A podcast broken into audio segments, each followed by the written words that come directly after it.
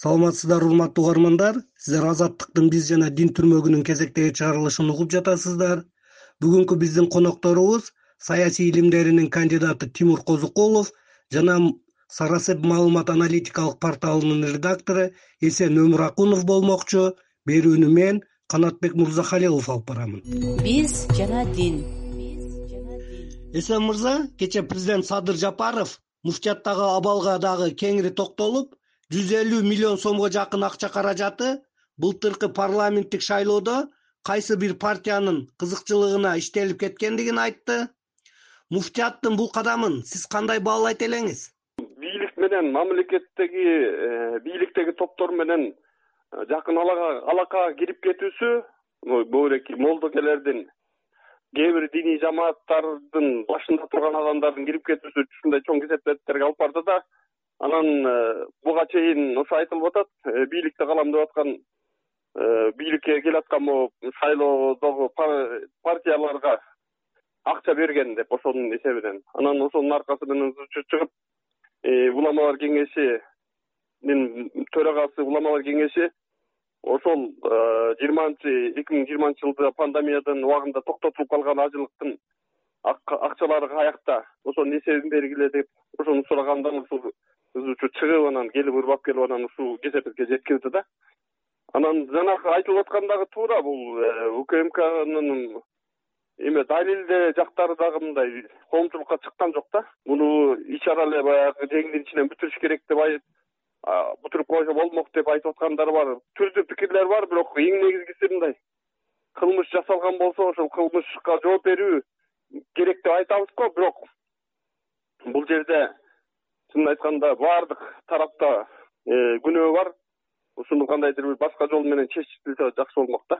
Тимур мырза он биринчи февралда кыргызстан мусулмандарынын аалымдар кеңеши өзүнүн кезексиз жыйынында муфтий максатбек токтомушевдин кызматтан кетүү тууралуу арызын карап канааттандырды.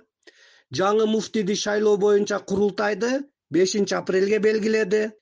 Эми курултайдан кийин жалпы эле муфтият түзүмү кандай реформаларга муктаж? Мына ал акыркы учурда болгон окуя. Менен эле азыр чектелип ой жүгүртүүгө туура эмес да. Бул жерде баягы бул системдүү э, мындай э, жагымсыз жагдай кайталанып келгендей болуп жатат. Кайсы бир мүфтий болбосун э, алардын ушундай башына ушундай иш мүшкүл иштер түшкөн. Бул жерде негизи өзөк муфтиятты реформа кылып же тиги алымды же бул алымды алып келүү ою менен муфтиятты оңдоп берүү бираз э, мындай ишеним артылбайт да. Мүфтүнүн шайланышы курултайдын болушу бул бир миң тогуз жүз кырк үчүнчү жылы ноябрь айында жана ташкентте өткөн курултай баягындай айтканда сталиндин убагындагы советтер союзунан калган бир система да. Биздин э, кыргызстан эгемендүү болдук өзүнчө муфтият болдук бирок э, ошол система эле кайталанып келип атат ошондуктан бул жерде азыркы учурга карата конфликтологиянын теориясы менен политологиянын теориялары менен Э, жаңыча башкача э, нукта бурбаса болбойт. Бул ишеним жаратпайт. Э, сөзсүз баягы мамлекеттин өзүнүн саясаты бар мамлекеттин саясаты менен кошо алып кете ала турган андай деңгээлде болуш бар болуш керек. Мындай критика дейт. А бирок ал жерде негизги персонада эмес. Бул жерде системада системный бир анализ болуп системный бир өзгөрүү болуш керек. Эми сиз айткан системалуу өзгөрүүлөр менен талдоолор кайсы багытта жүргүзүлүүсү керек? Сексен беш процент пайыз мусулман э, мусулмандардын мүфтүсү демек бул ошол башкаруучу ошонун чоңу дегендей философиялык мындай түшүнүк бар да. Элге коомго диний кызмат көрсөткөн бир орган катары кабыл алыныш керек. Ошол жерде биринчи философиясын ошол жерде өзгөртүш керек. Мүфтий айткан мындай айтканда ошол кызмат элге коомго ислам дини багытында кызмат көрсөткөн органдын ошол кызматкерлердин үстүндө турган бир жетекчи катары кабыл алыныш керек экинчи системдүү дегенде эми э, жанагы билесиңер да конфликтологияда патронаж деген түшүнүк бар. Ушул учурга чейин мүфтиятта же мүфтий боло турган адам сөзсүз бир патронаж э, патронаж менен иш жүргүзгөндөй э, бул фаланчы баягы жетекчилик менен бийлик менен ушул адам ортомчу болот ушул адам менен барып анан мүфтий болот дегендей сөздөр жүрөт. Бул бул эми айтылып келген бул далилденген нерселер кимдер кандай болгон ошон үчүн бул жерде жана патронаждык теориядагы түшүнүктү алып салып э, мындай айтканда биз светтик мамлекетпиз анан биз мамлекет аралашпаш керек эмес бул жерде мамлекет ошол мүфтүнүн эмне кызмат аткарат кандай э, кандай иштерди аткарат кандай полномочиясы бар дегенде бул мыйзам менен чектеп коюш керек. Эсен мырза учурда муфтияттын айланасында болуп жаткан окуялар кыргыз ислам дүйнөсүнө кандай таасирин берет? Эми бизде ошол муфтий камалды деген сөз э, тарайт да. Тарап э, дүйнө коомчулугуна ушундай кыргызстанда мусулманчылыкта ушундай нерсе болуп атыптыр деп кесепеттерин тийгизет. Кандайдыр бир э, ишенбестиктер пайда болот. Жөнгө салуу жагы болсо жанакындай мамлекет менен муфтият дин иштери эме боюнча мамлекеттик комиссия тиешелүү органдар ушундай отуруп туруп бул ачык айкындыкка чыгарып бир кандайдыр бир иш алып барыш керек да? Бөлүшүш керек. Биз жана дин. Баардык эле пост советтик өлкөлөрдө анын ичинен кыргызстанда советтер союзунан бери эле калыптанып калган мусулмандардын дин башкармалыгынын системасы иштеп жатат. Эми жаңыча критерийлердин негизинде муфтийди аалымдар кеңешинин мүчөлөрүн кандайча тандап алса болот тимур мырза э, негизи өзү жана айтып атпайсызбы курултайга депчи. Курултайга мисалы мына өзүңүз деле иштегенсиз ошол дин комиссиясында. Курултайга келүүчү курултайдын курултайга келе турган делегаттарды кандай шайланып келет ким шайланып келет бул баардыгы мындай э, бир кайсы ээлер аралашып анан ушундай болуп келип аткан да туурабы бул бул жашыруун эмес бул болуп келген нерсе. Эми ошондой э, нерселерди токтотуп эле эми негизги бир мамлекеттин баягы бийлик органдарына же болбосо э, чиновниктерине же болбосо мамлекет кызматкерлерине койгон талап бар. Ал эмне? Билими ошол билимине аң сезимине жараша ошого карата эле өзгөртүү кылыш керек. Мындай айтканда бул жерге э, фаланчынын адамы экен бул ушулардын адамы экен бул мындай адам экен деген эмес. Билими тажрыйбасы же болбосо ошол билими ушуга туура келеби критерийге деп ошону коюш керек. Эсен мырза эмки суроону сизге узатсак учурда кыргызстандагы ислам чөйрөсүндө иш жүргүзүп жаткан баардык жамааттарды бириктире алган лидердик сапатка ээ болгон фигура барбы? Негизи муфтият өзү бириктирип турган да бул эмечи структура катары муфтият мындай юридикалык жагынан караганда баардык башка жеке фонддор менен бирдей эле статуста да бирок мамлекет менен өзгөчө мамилеси бар болгондуктан бул мусулмандардын багытталып бириктирип турган жери болчу да анан ошондой фигура табыш мындай оор деле болбойт деген ойдомун да. Болгону баардык жамааттарда мындай белгилүү бир деңгээлде узагыраак бир адам болушу керек фигура болуш керек. Анан ага мамлекет жардам бериш керек. Мусулмандар ал келген фигура ошо баардык жамааттарга мындай калыс мамиле кылганга аракет кылыш керек да. Тимур мырза айтсаңыз деги эле муфтийлик кызматка аалымдар кеңешинин төрагалыгына анын мүчөлүгүнө кандай сапатка ээ болгон кишилер келсе жакшы болмок? Маселе ушунда мына биз бизде коомдо атайын бир жаратып алып бир белгилүү бир эки үч төрт деп баягындай э, кол менен эсептеп бере тургандай эле э, бир аалымдарды жаратып алабыз.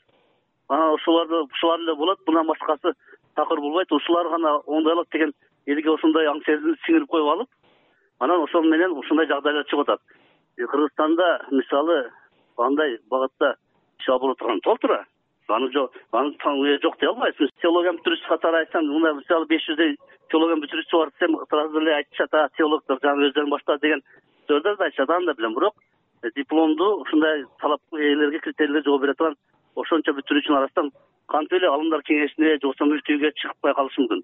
Же ошол эле э, ислам университетин бүтүргөндөрдөн болушу мүмкүн туурабы.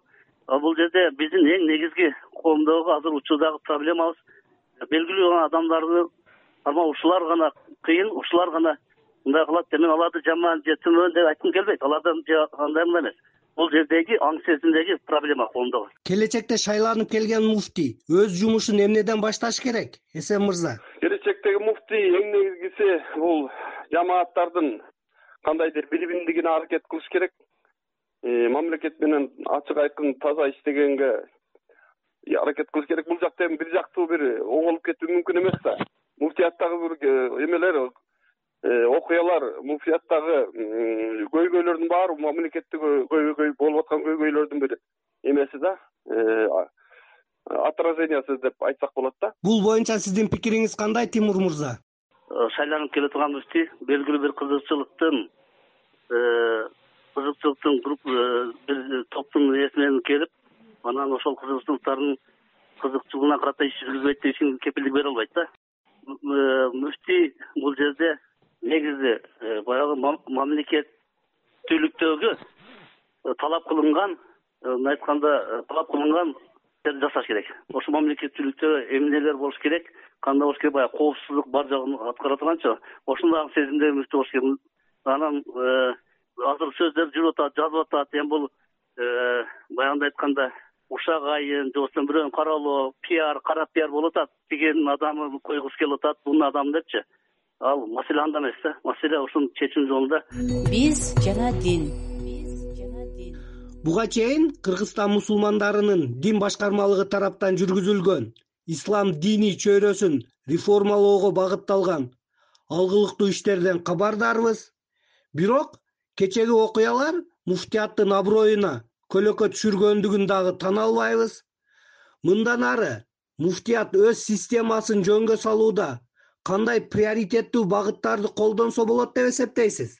Эсен мырза. Муфтияттын ичинде кадровый маселелерди бир жакшылап караш керек. Ошо калысыраак бир фигураны алып келип ошонун э, аркасы менен ошонун менен чогуу э, могуреки облустагы казылардын эмесин караш керек да канчалык деңгээлде ордуна татыктуу райондук деңгээлде эми бул эмеде кылыш кыйыныраак го бирок азыркы кезде ошо облустук казыяттарга күчтүү билимдүү мамлекеттик э, эмени мыйзамдарды эсепке алган шариятты эсепке алган фигураларды койгонго мүмкүнчүлүк бар. Азыркы кезде илимдүү билимдүү балдар бүтүрүп келип уже кыргызстанда азыр иштеп атышат да. Ошолордун арасынан карап туруп ошондой казыяттарды структуралуу жактарын караш керек кийинки маселелерде эми э, жанагындай юристтердин жардамы менен бүгүнкү азаттыкта дагы айтылбадыбы? Ачык айкындык жактарын караш керек андан кийин э, ошо акчаны колдон келишинче мындай бир жеңге топтобой бир жеңден топ тартпаганга аракет кылганга дагы кадамдарга барыш керек го деп ойлойм да. Ажылыктуу болсо жанагындай коммерциялык жактарын частный структураларга бериш керек. Акыркы суроону сизге жолдосок тимур мырза муфтияттын эффективдүү иштөөсү үчүн кайсы чет өлкөлөрдүн тажрыйбасы бизге ылайыктуу деп эсептейсиз?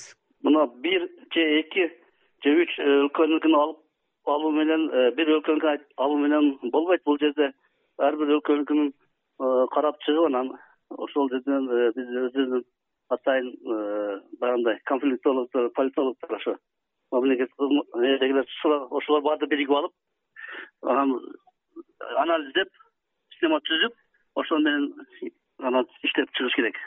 Биз жана дин. Урматтуу угармандар сиздер азаттыктын биз жана дин түрмөгүнүн кезектеги чыгарылышын уктуңуздар.